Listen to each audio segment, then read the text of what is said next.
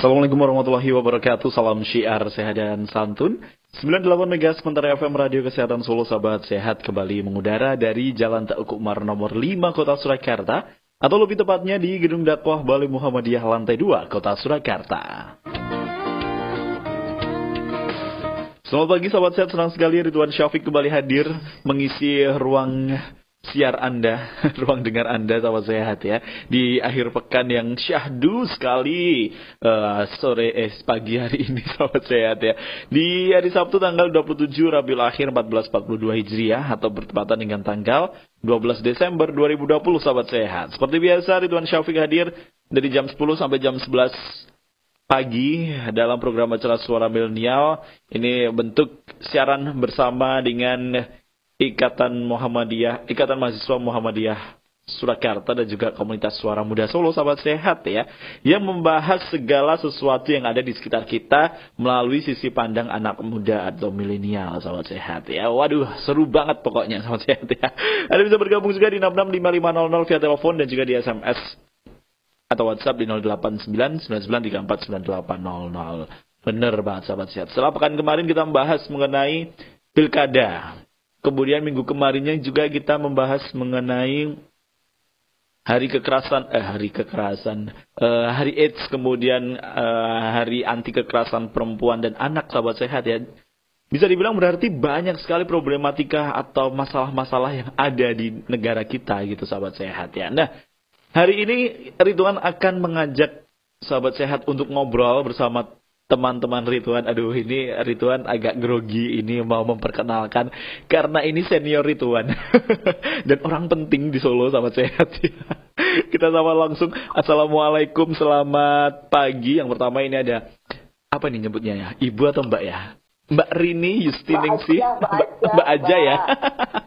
Mbak Rini Yustiningsih, pemimpin redaksi Solo Pos Sahabat Sehat. Selamat pagi Mbak Rini. Selamat pagi, Mbak Aja karena temanya milenial ya. Uh, uh, Oke, okay. karena karena umurnya juga gak jauh beda kok sama Ridwan ini kok. Iya, beda 20 tahun ya. Sehat ya Mbak Rini ya. Aduh, gimana Sehat. nih? Uh, uh, sibuk apa ini Mbak Rini? Sebagai Aku pemimpin redaksi ini. Mm -hmm. WFH mm -hmm. rumah, tetapi tetap kerja ya. Mm -hmm. uh, karena emang uh, sedianya kan aku datang ke situ tuh iya, tapi karena kemarin kok badanku nggak enak mm -hmm. udah antisipasi aja udah dari by phone aja gitu. oke okay. Kar karena memang iya. aneh ya apa keadaan memang harus kita untuk menjaga keadaan jarak keadaan yang tidak bisa membuat kita bergerak bebas tapi kita tetap harus cerdas untuk bisa mengatasi itu Mbak Rini ya Betul. Benar sekali. Intinya kan tetap produktif ya Ridwan ya. Yes, tetap produktif Mbak Rini ya. Ini Mbak Rini juga uh, tidak aku, sendirian. Hah? Gimana? Aku sebenarnya penasaran loh uh -uh. sama wajahmu sekarang ini kayak apa. Oh iya. Nanti tak. Karena kita uh -uh. udah pernah ketemu berapa tahun lalu ya? Berapa puluh tahun lalu? Lima belasan ada ya? Iya belum ada dong lima belas. Dua lima oh, kayaknya. Ada ya? Ridwan. tahunan ya? Ridwan SMA itu 2011. Berarti 9 10 tahunan yang lalu. Iya, itu aku pernah ketemu Ridwan masih pakai baju putih abu-abu, uh, uh, masih culun-culun gitu. Masih culun-culun banget. Oke deh. Tapi benar. Dari, yang lain. Uh, uh, bener banget. Uh, uh. Oke, okay, terima kasih Mbak Rini. Jadi sahabat sehat Mbak Rini ini adalah apa ya? Uh, dulu bisa dibilang ibundanya Ridwan. Waktu waktu SMA gitu di Solo Pos sahabat sehat ya nanti bisa berbagi pengalaman sama Ridwan kalau ingin tahu tanya-tanya gitu ya uh, Mbak Rini tidak sendirian sahabat sehat karena di pagi hari ini Ridwan juga menghadirkan tokoh yang sangat uh, menginspirasi ini ada Mas Renal Falah Ketua Umum Pimpinan Daerah Pemuda Muhammadiyah Kota Surakarta. Assalamualaikum, selamat pagi Mas Renal. Iya, waalaikumsalam Mas Ridwan. Sehat. Apa kabarnya Mas? Sehat. Walaupun uh, uh, kita satu bangunan tapi jarang ketemu kayaknya ya Mas ya. Beda lantai. Beda lantai. Karena Mas Renal ini juga, Mas Renal, Mbak Rini ini sama sahabat sehat ya. Super sibuk semuanya. menyibukkan diri mas. Menyibukkan diri. Ya benar. Berarti uh, tidak ada orang yang sibuk adanya orang yang menyibukkan diri gitu ya berarti ya? Iya. Mas Renal dan juga uh, Mas Renal dan juga Mbak Rini nanti uh, kita ngobrol ala anak muda kan kita masih muda semua ya. Sebenarnya nih banyak sekali ya dari tahun 2020 ini kita sibuk dari awal ada WFH, kemudian bencana alam, kemudian ada uh, banyak sekali yang paling adu adalah uh, apa ini pandemi COVID-19 ini yang menjadi perhatian kita gitu ya. Nah, sebagai anak muda nih bisa memberi tips nanti bagaimana sih cara cerdasnya memandang problematika bangsa. Berat banget gak sih sebenarnya? lumayan, lumayan. Gimana gimana Mbak Rini? Ya nanti kalau berat nanti diringanin. diringanin. Pokoknya nanti uh, ngobrol bagi tips saja ya bagaimana kita cara sih uh, sebagai okay. anak muda harus gimana sih dalam masa-masa yang bisa dikatakan masa yang sulit ini sahabat sehat ya di tahun 2020 ini untuk tetap survive untuk bisa menjadi uh, pemuda yang tetap bergerak di bidangnya masing-masing. Kita dengarkan satu buah lagu dulu sahabat saya tetaplah bersama kami di 98 MHz FM Radio Kesehatan Solo.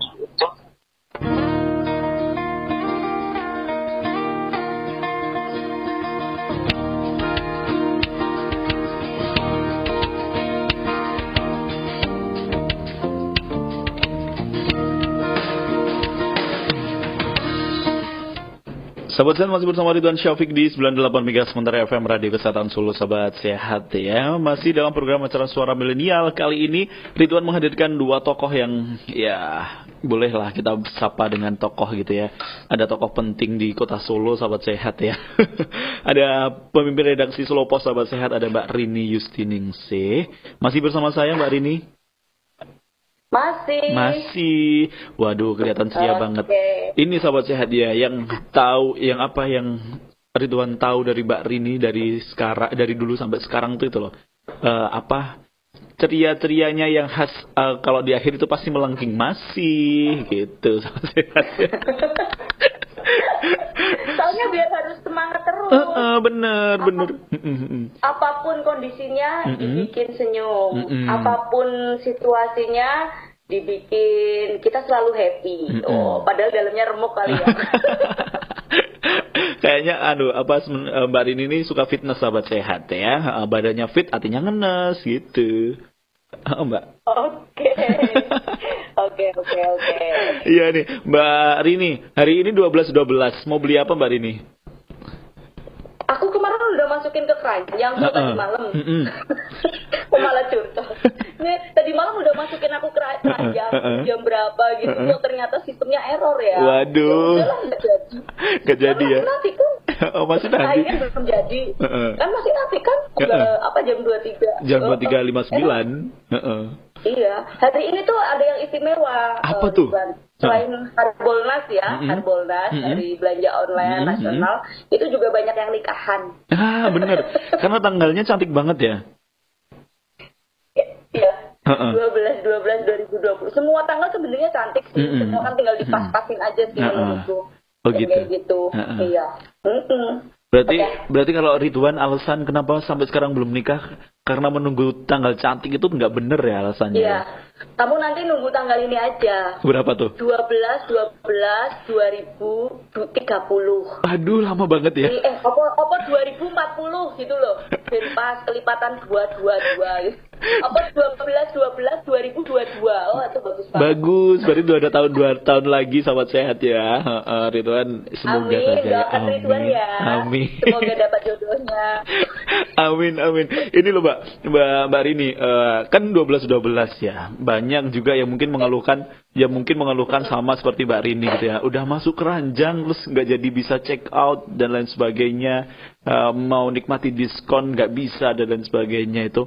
Itu sebenarnya juga uh, kegelisahan kegelisahan dari anak muda juga ya. An kan anak muda sering juga seperti itu menggunakan media sosial menggunakan online shop dan lain sebagainya gitu. Betul. Uh, uh, itu itu wajar ya Mbak. Sebagai anak muda itu harus memang seperti itu atau gimana ini Iya, hmm. uh, sebenarnya tergantung hmm. ini ya. Kita mau hmm. apa dulu. Hmm. Yang jelas kalau udah punya penghasilan sendiri hmm. dan belanja sesuai kebutuhan hmm. itu nggak masalah. Hmm. Tetapi kan kadang malu juga kan, hmm. masih dikasih duit sama hmm. orang tua, hmm. terus dibelanjain kebutuhan yang itu sebenarnya nggak penting-penting banget. Ya, gitu. uh. Jadi aku cerita cerita dikit. Boleh boleh. Uh, waktu aku di Square sebelum pandemi ya waktu itu mm -hmm. aku jalan sama temenku ya mm -hmm. ya seumuran lah ya mm -hmm. itu kaget juga mm -hmm. di gerai kayak di apa salah satu produk skincare dan mm -hmm. kosmetik mm -hmm. itu ramai banget anak-anak mahasiswa mm -hmm. gitu loh Nah, terus aku sama temanku sampai cerita kayak gini,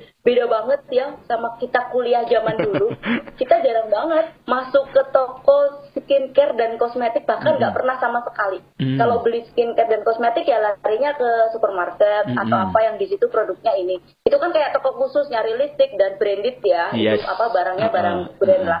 Nah terus kita mikir, itu mereka gimana ya? Aku tuh lagi mikir, itu satu bulan itu jatah dari orang tua untuk apa uang kos dan lain-lain itu berapa ya? Kok sampai jadi banyak banget uang itu. Jadi sekarang itu kan trennya beda banget dengan eraku ya. Aku, yeah. Kalau ini nih kebuka sih akhirnya usiaku berapa. Kalau era tahun aku kuliah 96. Aduh 96 udah kuliah ya. Bisa dihitung sobat iya. sehat ya. Kamu baru lahir ya. Jangan banter-banter Mbak Rini. Nah, jadi di tahun 96 kayak kita, kita hmm, ini hmm, yang hmm. generasi di situ, itu kuliah jarang banget apalagi di zaman dulu mall terbatas dan sebagainya. Yes. Adanya itu uh -uh. supermarket, hmm. supermarket adanya hmm. cuma itu, hmm. gitu kan. Misalkan seperti itu. Hmm. Jadi kalau sekarang kita ke square dan lain sebagainya, itu banyak banget anak muda-anak muda yang hmm. uh, membeli kak itu tadi dan aku ya aku nggak ngerti mereka punya penghasilan lain mm -hmm. ataupun masih dijatah orang tua bulanannya tapi kita tuh mikir Berarti kalau kalau mungkin ada survei jatah hmm. uh, anak kuliahan sekarang ini pasti lebih dari angka 1 sampai 2 juta itu lebih mungkin seperti itu. Yes. Uh -uh. Pikirnya kan kayak gitu. -hmm. Kalaupun mereka belum bekerja. Yeah. Nah, memang uh, ini ada catatan menarik uh, Ridwan. -hmm. Jadi kalau kalau aku boleh buka datanya dari Hotsuite, uh, -hmm. Hotsuite ini salah satu lembaga uh, apa uh, apa istilahnya lembaga survei yes. yang dia melakukan survei digital di setiap negara di dunia. Mm-hmm. Nah, salah satunya di Indonesia. Mm-hmm. Ini data tahun Januari 2020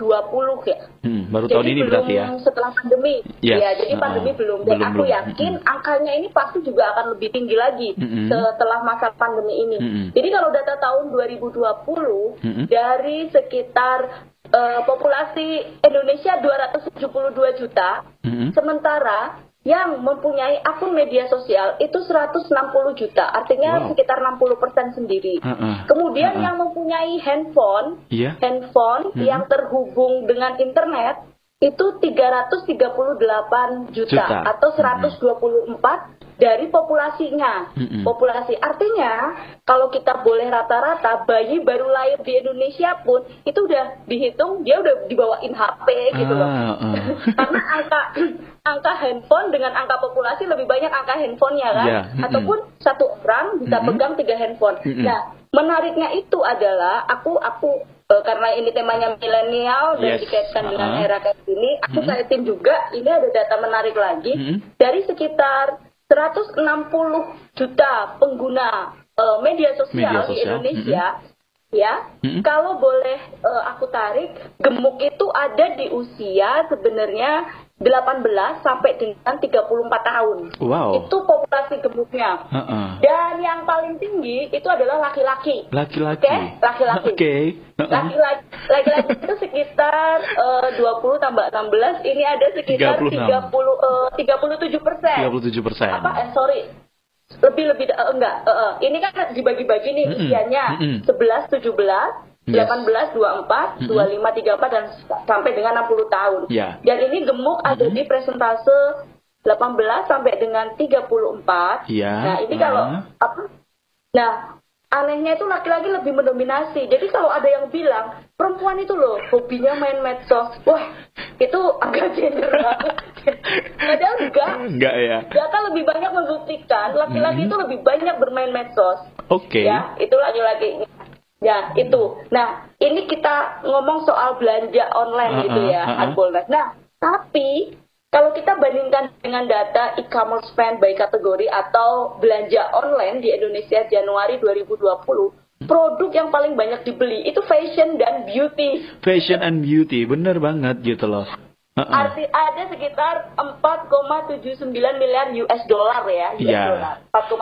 4,79 US dollar itu ya nyampe triliunan lah kalau dirupiahkan.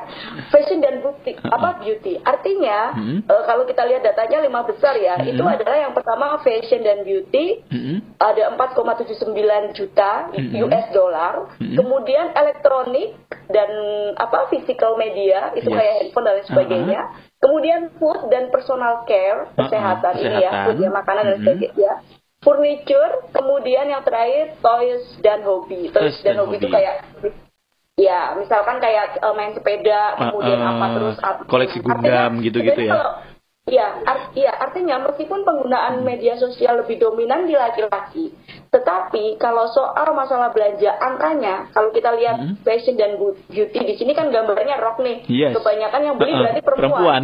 Angka belanjanya, konsumsinya banyak di perempuan. ini ini ini menjadi menjadi uh, sorry saya uh, sorry Ridwan potong ya Mbak Rini ya. Ini menjadi problematika ya, ya, juga nggak sih? Atau mungkin menjadi tren? Memang masanya masanya anak muda Indonesia itu seperti itu. Kalau misal dari data data penjualan itu bahkan ya. buku pun dikit gitu loh. Bahkan nggak ada dalam data gitu kan.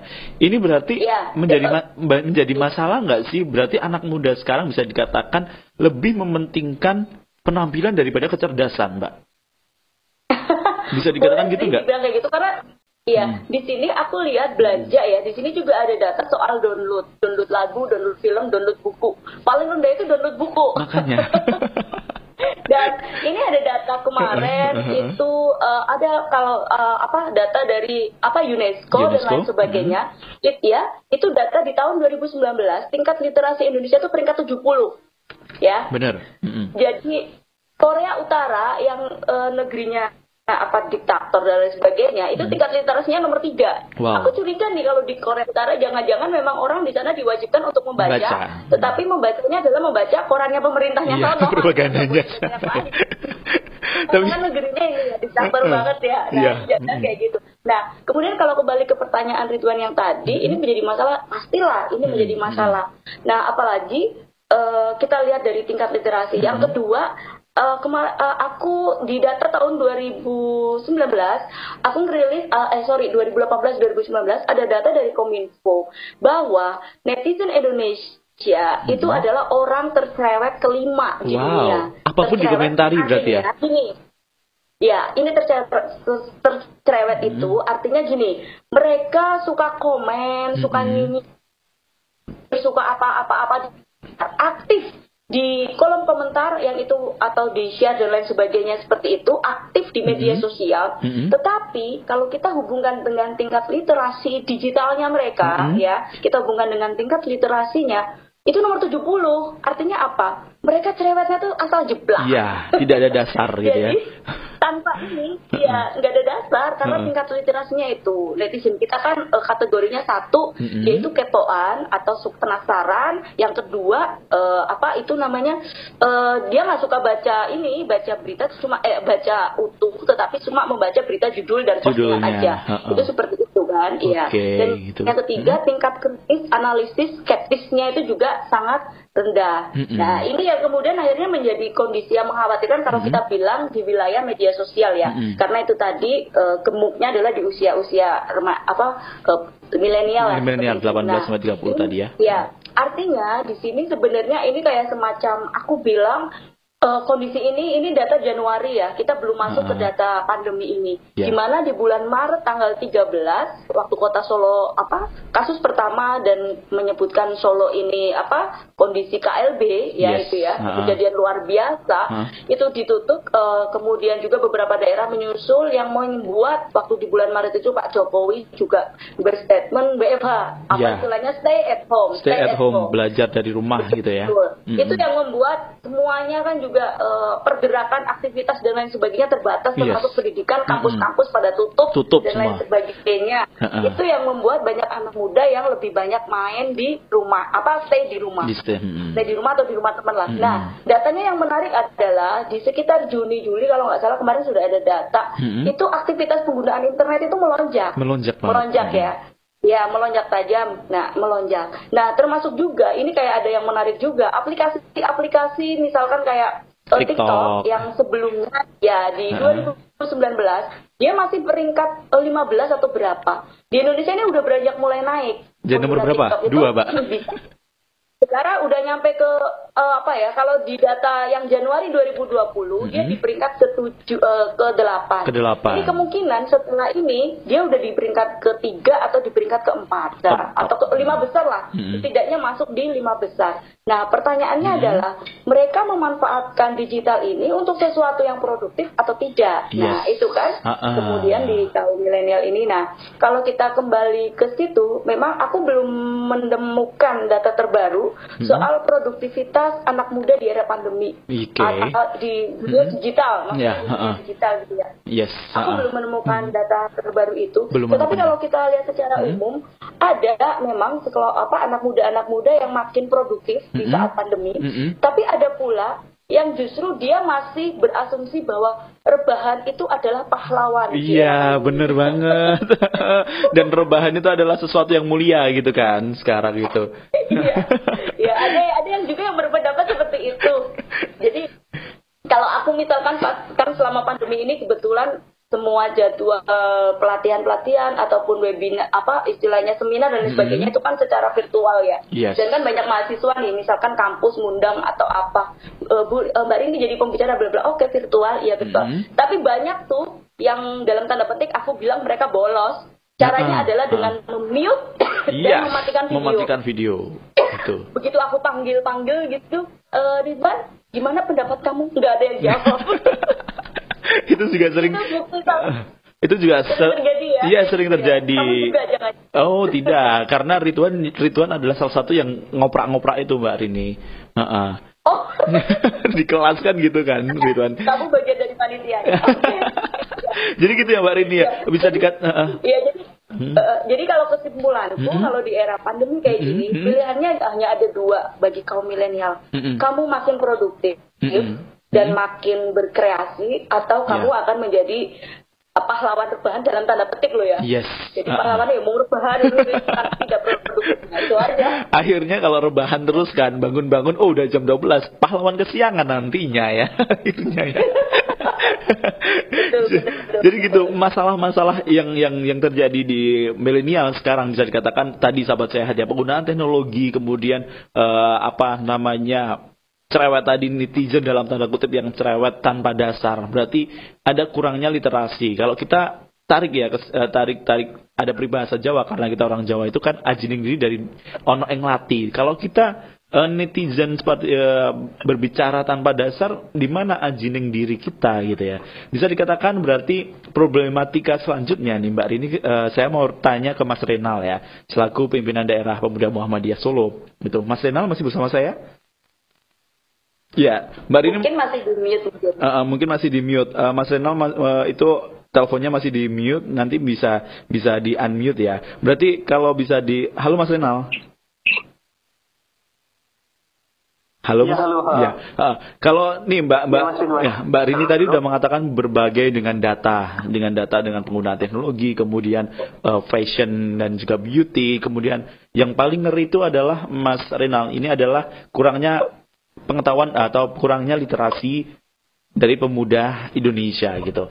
Ini dampaknya adalah uh, netizen atau seusia remaja ini kalau menggunakan media sosial berbicara seenaknya tanpa dasar gitu kan. Itu kan ada kaitannya dengan kaitannya dengan akhlak Mas Renal gitu kan. Berarti apakah iya. menurut Mas Renal ini, menurut Mas Renal ini akhlak di masa sekarang itu juga menjadi problematika bangsa kita?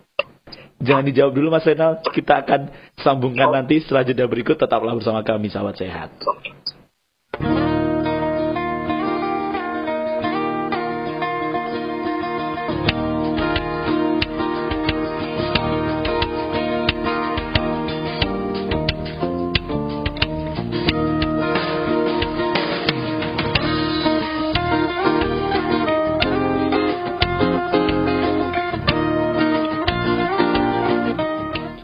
98 Mega Sementara FM Radio Kesehatan Solo Sahabat Sehat masih bersama Ridwan Syafiq dan juga bersama Suara Muda Solo dari Ikatan Mahasiswa Muhammadiyah Kota Surakarta, sahabat sehat. Di program acara Suara Milenial kali ini, sebagai milenial, sahabat sehat, ternyata kita mas sebelum ke permasalahan bangsa. Ternyata kita sendiri yang menjadi permasalahan bangsanya ya. gitu sahabat sehat ya. Tadi sudah dikatakan oleh Mbak Rini gitu kan bahwa banyak data kita itu termasuk netizen yang suka uh, cerewet, yang paling cerewet gitu kan. Ya bukan yang paling, tapi netizen yang tergolong netizen cerewet artinya adalah berkomentar di media sosial sering banget ada kejadian apa pun postingan apa pun diberi komentar tanpa kita lihat berita yang tenanan itu seperti apa yang beneran seperti apa dasarnya dari mana gitu kan dan yang paling ngeri itu adalah um, permasalahannya di Harbolnas ini sahabat sehat ya. Di apa ya? Di di penjualan online itu yang paling sering dibeli itu adalah beauty and fashion. Artinya uh, kecantikan dan apa ya? Fashion gitu sahabat sehat ya. Dan di di penjualan buku itu ternyata yang wah dikit banget hampir dikatakan rendah gitu. Ini bisa menjadi bisa menjadi problem juga nggak sih uh, Mas Renal? Halo Mas Renal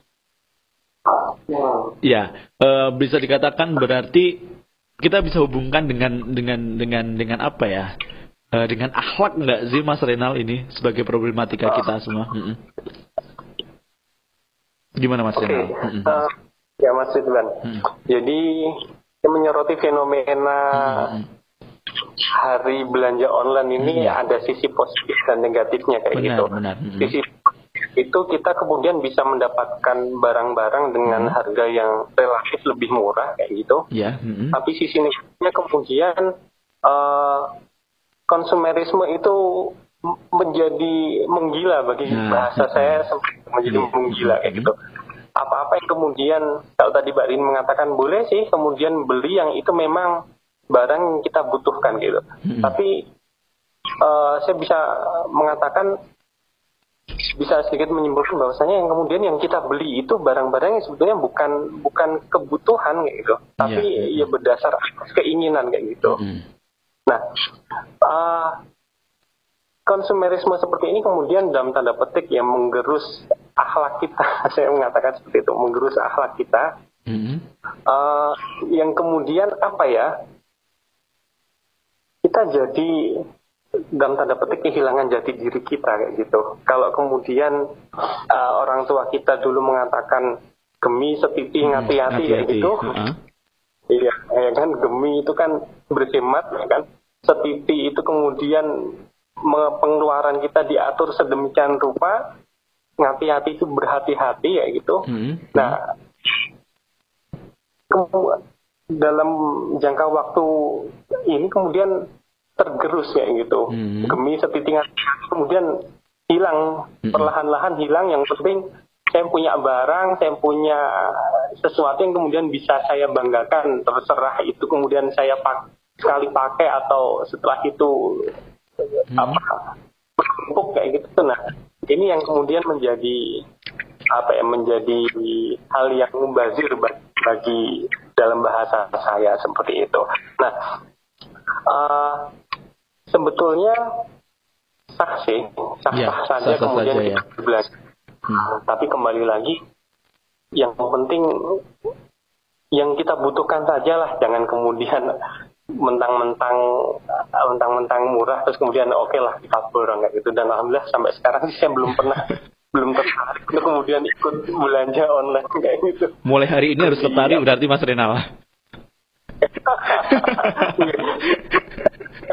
Nyari-nyari buku-buku ya, kayak hmm, gitu. Iya. Tapi gini, uh, apa namanya konsumerisme gitu ya, konsumerisme kemudian ya kita membeli, kita membeli bukan dari sebuah kebutuhan tapi adalah keinginan gitu kan. Ada pernah Ridwan, pernah Ridwan itu pernah Ridwan itu bilang gitu kan, uh, bukan bilang baca di di media sosial itu kebutuhan kita itu sebenarnya makan gitu kan. Tapi keinginannya adalah ke restoran tertentu gitu kan. Ya wes kebutuhannya makan. Apa pun bisa kita makan misalnya seperti itu. Nah iya. ini ini kalau kita kalau kita kaitkan dengan perilaku yang perilaku yang seperti ini ke Mas Renal juga dari uh, pimpinan daerah pemuda Muhammadiyah sebagai uh, yang yang bergerak di ke, kepemudaan gitu kan gimana sih sebenarnya harusnya pemuda itu bersikap untuk menyikapi kebutuhan dan juga akhlak netizen tadi gitu? Iya, uh, saya ber, berpijak kembali ke sebuah fakta sejarah bahwasanya hmm. pemuda itu punya saham besar hmm. hampir di semua negara. Iya. Pemuda itu besar di balik kebangkitan-kebangkitan negara. Hmm kita harusnya kembali ke spirit itu hmm. kemudian mengambil peran-peran yang kemudian bisa menjadikan negara ini menjadi lebih lebih baik kayak gitu yes. tidak lagi hmm. terjebak kepada fanatisme sempit hmm. yeah. misal kemudian ketika kemudian ditarik ke pilpres harus milih nomor satu atau nomor dua kayak gitu hmm. dan ketika sudah selesai selesai pilpres ya sudah jangan kemudian uh, residu pilpres ini kemudian di apa ya dipelihara terus dibentur-benturkan kayak gitu. Nah pemuda tidak boleh kemudian larut dalam proses apa proses perpecahan-perpecahan seperti itu. Hmm, Tapi hmm. pemuda itu menjadi unsur perekat yang ini menjadi menjadi amunisi untuk kemudian negara ini bisa bisa lebih lebih baik lagi kayak gitu.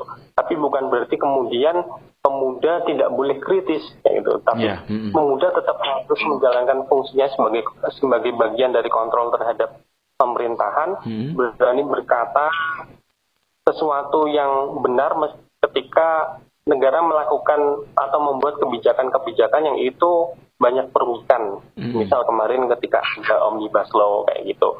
Terus kemudian yang baru-baru ini ada apa? Ada konflik ya dalam tanda mm-hmm. petik dengan dengan ormas FPI kayak gitu. Mm-hmm. Nah, hal-hal seperti ini kemudian harus lebih banyak kemudian kita kritisi tanpa kemudian meninggalkan uh, peran kita untuk mendukung pemerintah dalam artian program-program pemerintah yang kemudian yang itu bagus ya ayo kita kita dukung kayak gitu. Tapi bukan berarti terus kemudian uh, apa ya menjadi pendukung buta atau atau ya kalau nggak itu ya nggak mau gitu ya. Ya bisa dibilang fanatis gitu ya. Fanatisme yang berlebihan mm-hmm. seperti itu. Mm-hmm. dan uh, saya pikir pemuda juga perlu menjadi sebuah tenaga pendorong untuk kemudian merekatkan dalam hal ini seperti ini mas. Uh, Presiden Jokowi waktu itu pernah menggaungkan yang namanya revolusi mental kayak Benar. Gitu. Mm-hmm. Secara konsep ini bagus kayak mm-hmm. gitu. Terus kemudian ayahanda kita Bapak Amin Rais juga menggaungkan revolusi mm-hmm. moral. Mm-hmm. Gitu. Terakhir kemarin uh, Habib Rizik juga menggaungkan revolusi akhlak, akhlak gitu. Yes. Mm-hmm mental, moral dan akhlak ini sebenarnya satu satu garis linear yang kemudian mm-hmm. bisa disinergi. Mm-hmm. Alangkah indah nanti kalau kemudian tokoh-tokoh bangsa ini kemudian duduk dan merumuskan sebuah revolusi Indonesia yang, berba yang berbasiskan akhlak mm-hmm. untuk perbaikan moral sehingga menghasilkan mental yang yang yang cakap dan tahan banting kayak gitu. Mm-hmm. Yes. Nah, uh-huh. ini PR kita ke depan kayak hmm. gitu sehingga tidak kita tidak disibukkan lagi dengan hal-hal yang kemudian menjadikan bangsa ini semakin tercerai berai kayak gitu. Hmm. Oke. Okay. Oh, yes. Terima kasih Mas Renal ya. Berarti bisa kalau ini ada revolusi mental, revolusi akhlak dan satu lagi adalah revolusi apa tadi? Moral. Moral. Nah, um, moral, ya. akhlak dan mental itu sebenarnya kan satu kesatuan. Tapi ini loh Mas Renal dan juga mungkin Mbak Rini nanti bisa menambahkan ya. Ternyata permasalahan permasalahan dari kalau kita melihat problematika bangsa kita sekarang itu bukan hanya korupsi, bukan hanya tentang kemiskinan, bukan tentang hanya pendidikan yang kurang, literasi yang kurang, tapi ternyata moral dan akhlak dari pemuda, dari milenial itu sendiri yang menjadi masalah bagi kita. Sikap yang bodoh amat, sikap yang fanatisme, yang yang fanatis yang terlalu berlebih gitu kan. Itu menjadi itu menjadi problematika juga ternyata. Bisa dikatakan pemudanya sendiri yang menjadi masalah gitu berarti ya. Mas Renal dan juga Mbak Rini ini. Iya, iya. Gimana sih tipsnya gitu ya atau tips atau yang memang seharusnya gitu kan agar agar agar bangsa ini uh, atau gini agar pemuda atau kita milenial itu uh, tidak menjadi beban negara ibaratnya gitu dengan dengan dengan bisa ber, ber, berakhlak dan bermoral yang baik Mbak Rini atau Mas iya. Renal ini hmm. Bang Mbak Rini atau saya dulu untuk Mas Renal dulu aja sekalian oh, Mbak Rini ya uh, bagi saya yang penting hmm Hmm. Sekarang ini kita jangan menjadi generasi yang cuek kayak yes. gitu. Uh-uh. Generasi yang cuek, hmm. kemudian emang gue pikirin dalam bahasa orang-orang hmm. teman orang-orang Jakarta. Yeah. Gitu. Tapi kita menjadi hmm. generasi yang kemudian mau peduli kayak gitu, hmm. minimal kepada hmm. diri kita sendiri kayak gitu. Yeah. Kalau kemudian tadi disebutkan kalau dulu ya awal-awal ketika KLB itu cukup rebahan kamu jadi pahlawan. Mm. kalau dalam bahasa bahasa saya itu rebahan itu seburuk apa selemah-lemah pahlawan kayak gitu kalau di, di, di, di kan uh, apa ketika kemungkaran itu ubahlah dengan tangan kalau kemudian nggak bisa itu dengan dengan doa ya mas ya iya yeah. dan, dan itu kemudian menjadi selemah-lemah iman nah saya mengkorelasikan kondisi seperti saat ini, hmm. baik itu di kondisi kondisi pandemi hmm. ataupun kondisi kebangsaan yang lebih hmm. besar lagi, hmm. kita tidak ikut turun tangan, hmm. ya kan? Hmm. dan hanya kemudian rebahan, ya itu hanya menjadi pahlawan yang selemah-lemah pahlawan. Selemah-lemah pahlawan ya. Ya selemah-lemah pahlawan dan sebetulnya hmm. banyak celah kayak gitu. Hmm. Hmm. Sekarang kita bisa melakukan kebaikan mm-hmm. meskipun kita berasa kita cukup duduk di depan di depan laptop kayak gitu mm. dengan cara ya misal menulis terus kemudian mm-hmm. yang paling ringan semisal membuat quotes ya yang kemudian kita share di Instagram atau di Facebook atau di medsos yang lain yang quotes itu kemudian memberi bisa memberi efek efek positif kayak gitu mm. Oke, okay, itu gitu. bisa kemudian mm. kita lakukan kayak gitu. Atau kemudian uh, sekarang uh, masyarakat Indonesia itu kan terkenal suka berderma mas, ya yes. ya kan suka uh -huh. berderma. Hmm.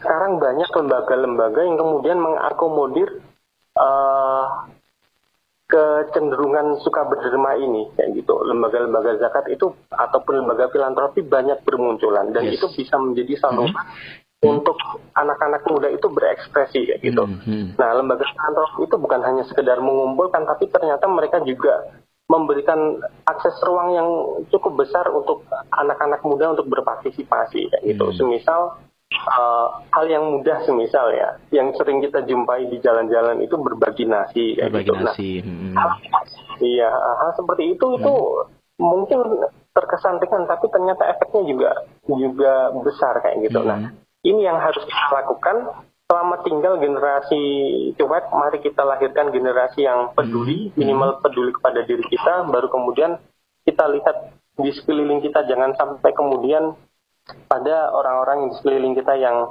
yang apa kekurangan atau kelaparan kayak gitu. Nah, okay. konsep hmm. kemal kalau sekarang muncul konsep jogo tonggo kayak gitu, yeah. jogo tonggo ini bagus gitu. Dalam artian kemudian kita share kepada hmm. tetangga kita. Ya. Teman-teman okay. Uh, teman-teman di Pemuda Muhammadiyah dan di Nasihatul Aisyah hmm. yang kemudian disupport oleh Lazismu kemarin juga kan membuat program cabe. Cabe. Cantelan berkah.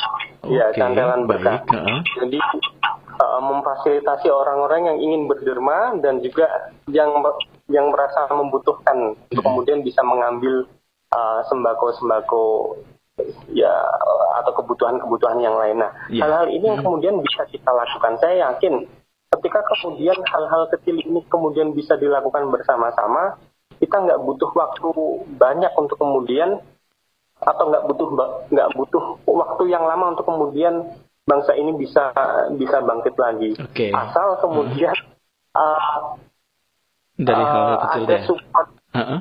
ya ada support yang jelas, hmm. ya kan baik itu dari pemerintah ataupun dari lembaga-lembaga mm-hmm. Lembaga-lembaga sosial yang lain untuk kemudian bisa mensupport anak-anak muda ini gitu jangan okay. sampai kemudian uh, potensi potensi potensi ini abai diabaikan yes. begitu saja yes. terima kasih mas Dan, Renal ya okay. kalau ya uh, hmm? booming apa ini ledakan penduduk generasi usia produktif. Mm -hmm. Sayang kalau kemudian Yes. Sayang kalau kemudian begitu saja. Baik. itu Mas. Ah, terima kasih Mas uh, Renal. Uh, ini ini uh, saya pengen pengen pengen dengar dari Mbak Rini ini uh, tapi Ridwan bacakan satu satu WhatsApp dulu yang satu WhatsApp dulu yang yeah. sudah masuk ya Mbak Mbak Rini ya. Ini ada Rizal, ya, nah, ada Rizal di Mutian itu bilang uh, gini, Mas Ridwan bolehlah kita bisa peduli dengan sesama dengan tetangga kita, tapi uh, itu belum bisa mengurangi misalnya masalah besar di negara kita misal korupsi dan lain sebagainya itu gimana enaknya gitu gimana mbak Rini kita kita memang sudah mungkin maksudnya maksudnya kita sudah tidak bodoh amat dengan hal-hal kecil di tetangga kita tapi kita sebenarnya ya. juga pengen prihatin dengan kondisi negara gitu waduh berat banget ya, betul. gimana ini ya. Hmm. ya betul jadi sebenarnya aku pikir selain hmm. tadi yang disampaikan oleh Mas Renal hmm. ya hmm satu lagi poinnya adalah negara ini, bangsa ini butuh yang namanya contoh. Contoh. Contoh, ya, contoh atau teladan. Intinya mm -hmm. seperti itu. Teladan dari dan contoh itu dari siapa? Aku pikir karena sekarang ini masyarakat ini ibaratnya loh ya, mm -hmm. ibaratnya itu nunuti apa yang menjadi apa pemimpin atau menjadi pemer ya apa istilahnya nunut ya nunut yes. ya ibaratnya kita kayak uh -huh. dalam tanda petik nunut itu kayak nunut gitu ya. Iya mantep-mantep gitu ya. Maksudnya itu. Jadi kita butuh contoh dari pemerintah, dari para pejabat di DPR dan lain sebagainya. Kasus penangkapan Mensos yang kemarin itu, yes. itu menurut kami itu sudah mencederai yang amat dalam, menyayat-nyayat mm -hmm. hati rakyat. Okay. Karena rakyat lagi berjuang, mm-hmm. ibaratnya kayak pedagang keliling di sekolah mm-hmm. yang dia jaga ke sehari bisa mendapatkan 20, 50 sampai 100 ribu dari dia jualan mainan, mm-hmm. jualan cilok, jualan apa di depan sekolah. Sekarang ini karena sekolah tutup, pada bingung mencari bingung. pekerjaan, mm-hmm. apa pada bingung mencari penghasilan. Di sisi lain itu duit rakyat dan itu juga duit utang loh itu uang utang loh kita sendiri kita juga yang nanggung udah utang duitnya rakyat dikutip a sepuluh ribu dan dikalikan kan sampai yes. berapa 17 miliar 17 atau berapa miliar. nah artinya kita tuh butuh contoh uh, oke okay, kita secara diri sendiri untuk kepentingan saya pribadi saya harus produktif mikirnya mm -hmm. seperti itu mm -hmm. Saya harus produktif yang nanti imbasnya itu mungkin panjang. Imbas teman saya juga apa diajak produktif makin produktif kemudian negara ini produktif. Tetapi kalau saya kalau soal korupsi selama negara ini tidak menerapkan hukuman mati bagi para koruptor aku pikir nggak ada efek jerah orang untuk berhenti melakukan tindakan korupsi. aku pikir kayak gitu. Makanya kemarin itu kami itu redaksional kami itu juga mendorong satu KPK tidak berhenti pada kasus ini ya. Bahkan kadang ada apa isu background yang mengatakan ini politis dan lain sebagainya. Korupsi itu identik dengan pol politis. Siapa yang jadi TO dan lain sebagainya. Ini dari partai mana? Iya, benar-benar ribet itu. Uh -uh. Tetapi ingat, ya kami mendorong supaya uh, ada undang-undang di apa uh, tindak pidana korupsi itu adalah salah satu bahwa korupsi yang dilakukan di masa bencana, apalagi pandemi ini pandemi. adalah bencana nasional. Bukan itu lagi nasional. adalah hukuman mati. Yes. Iya. Uh -uh. Itu memang hukuman mati. Artinya gini, kalau di Indonesia ini koruptor cuma dihukum 4 tahun, dimiskinkan ataupun 10 tahun ataupun lima tahun, orang itu mikirnya ah nggak masalah deh aku gini tapi coba ada satu kasus korupsi atau apa pun koruptor dihukum mati mesti yang lain itu mikir oh. uh, uh, ya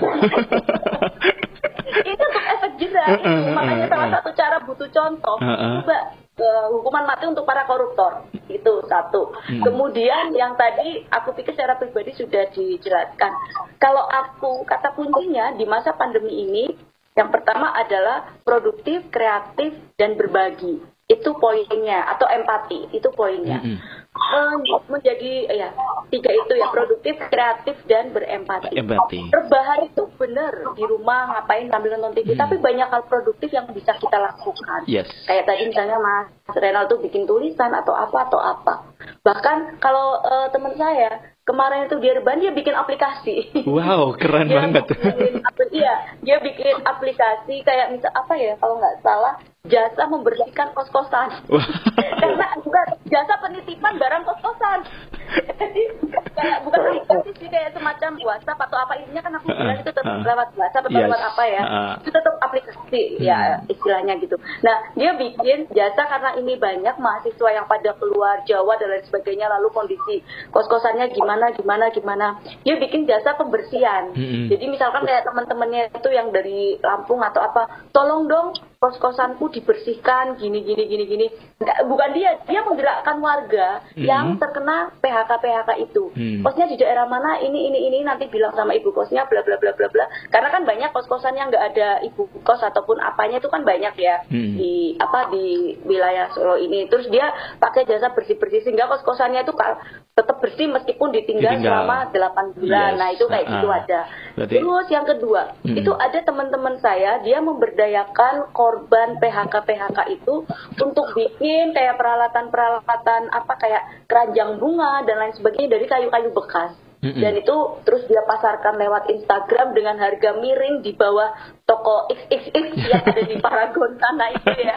Harganya miring jauh banget. Uh -huh. Jadi itu modelnya, tetapi uh -huh. bahan bakunya beda, proses pengerjaannya juga beda. Yeah. Cuma di Pelitur aja nggak mm -hmm. pakai ini dan lain sebagainya. Dan harganya jauh banget dengan toko XX yang di mall yes. sana itu. Uh -huh. Dan itu akhirnya laku keras. Itu mm -hmm. itu produktif. Lalu dari sisi kreatif, kita bagaimana Uh, sebenarnya ya aku bilang milenial sekarang itu kreatif kreatif loh. Buktinya banget, apa? banget banget. Makin iya makin banyak loh video aneh-aneh di TikTok Bener. yang viewernya tuh tinggi banget. Iya iya iya. banget. Ada aja aku sampai gumun. Cara jalan aja dibikin video TikTok itu viewernya sampai 2 juta. Aku gumun cara jalannya ini cara jalannya ini. Terus cara apa model jumatan. Sekolah kayak kayak apa? Ustadz kayak apa ini kayak apa itu bukti kalau anak muda itu kreativitasnya tinggi. Yeah. cuma mungkin tinggal di ini aja agak di mindsetnya. Iya betul. Disalurkannya apa? Kenapa video TikTok nggak dibikin misalkan untuk uh, korban-korban PHK atau apa? Hidupnya hmm. sekarang bagaimana bla bla bla bla bla. Yang itu akan menumbuhkan empati buat hmm. orang lain untuk berbagi ujungnya yes. di situ. Jadi tiga itu. Jadi itu aja Ridwan terima uh, kasih. itu tadi uh -huh. Indonesia butuh teladan dan aku hmm. pikir itu dari yang atas harus dari yang atas kalau kita dari diri sendiri yang jawabannya itulah aku jadi awakku dewi siapalah kita mikirnya gitu dan yeah. itu harus yang atas. Nah mm. itu tadi saya sepakat dengan Mas Renal mm. uh, para pemimpin bangsa ini tokoh-tokoh bangsa duduk bersama. Mm. Aku pikir ini situasi yang kayak gini nih bagaimana cebong dan kampret masih ada padahal mm. pilpresnya udah bubar, bubar. itu akan diganggu. Hmm. Iya.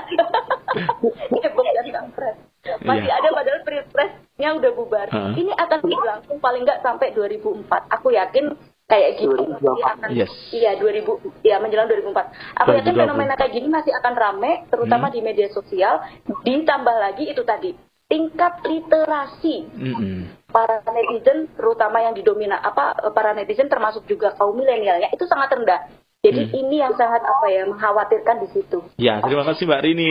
Yes, Mas Renal dan Mbak Rini.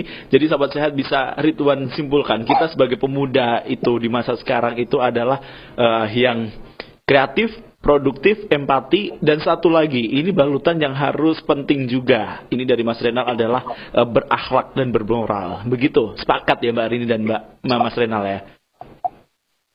Ya, nah, terima kasih, uh, terima kasih Mbak Rini dan juga uh, Mas Renal. Ini uh, perbincangan yang yang yang keren banget gitu ya. Kalau Ridwan Mas sebagai pemuda, udahlah uh, yang generasi-generasi tua Indonesia itu udah kita kita bisa bilang udah nggak bisa dibenerin gitu kan. Mari kita benerkan generasi kita yang dan juga generasi yang ada di belakang kita gitu. Intinya gitu uh, yang yang yang bisa yang bisa kita uh, bicarakan hari ini sahabat saya dan ingat cerdas melihat problematika bangsa adalah dengan cerdas melihat diri kita sendiri terlebih dahulu sahabat sehat sebagai seorang milenial. Sekali lagi terima kasih Mbak Rini dan juga Mas Renal. Tetap sehat pokoknya. Ya. Ya. Tahun 2020 doanya tidak ada yang lain selain sehat ya banyak juga nih insight banyak nih dari Mas Renal juga. Ini kalau pandeminya pandemi sudah selesai perlu kopdar ini Mbak. Oh boleh nih. Nanti Ridwan ajak sahabat sehat ya. Iya. Ridwan tutup dia kayaknya udah durasi. Iya. terima kasih, terima kasih Mas Renal. Semoga tetap sehat semuanya. Mbak Rini, Mbak Mas Renal, semoga dihitung oleh pahala oleh Allah Subhanahu Wa Taala. Terima kasih. Selamat siang, selamat berakhir pekan. Assalamualaikum warahmatullahi wabarakatuh. Waalaikumsalam warahmatullahi wabarakatuh.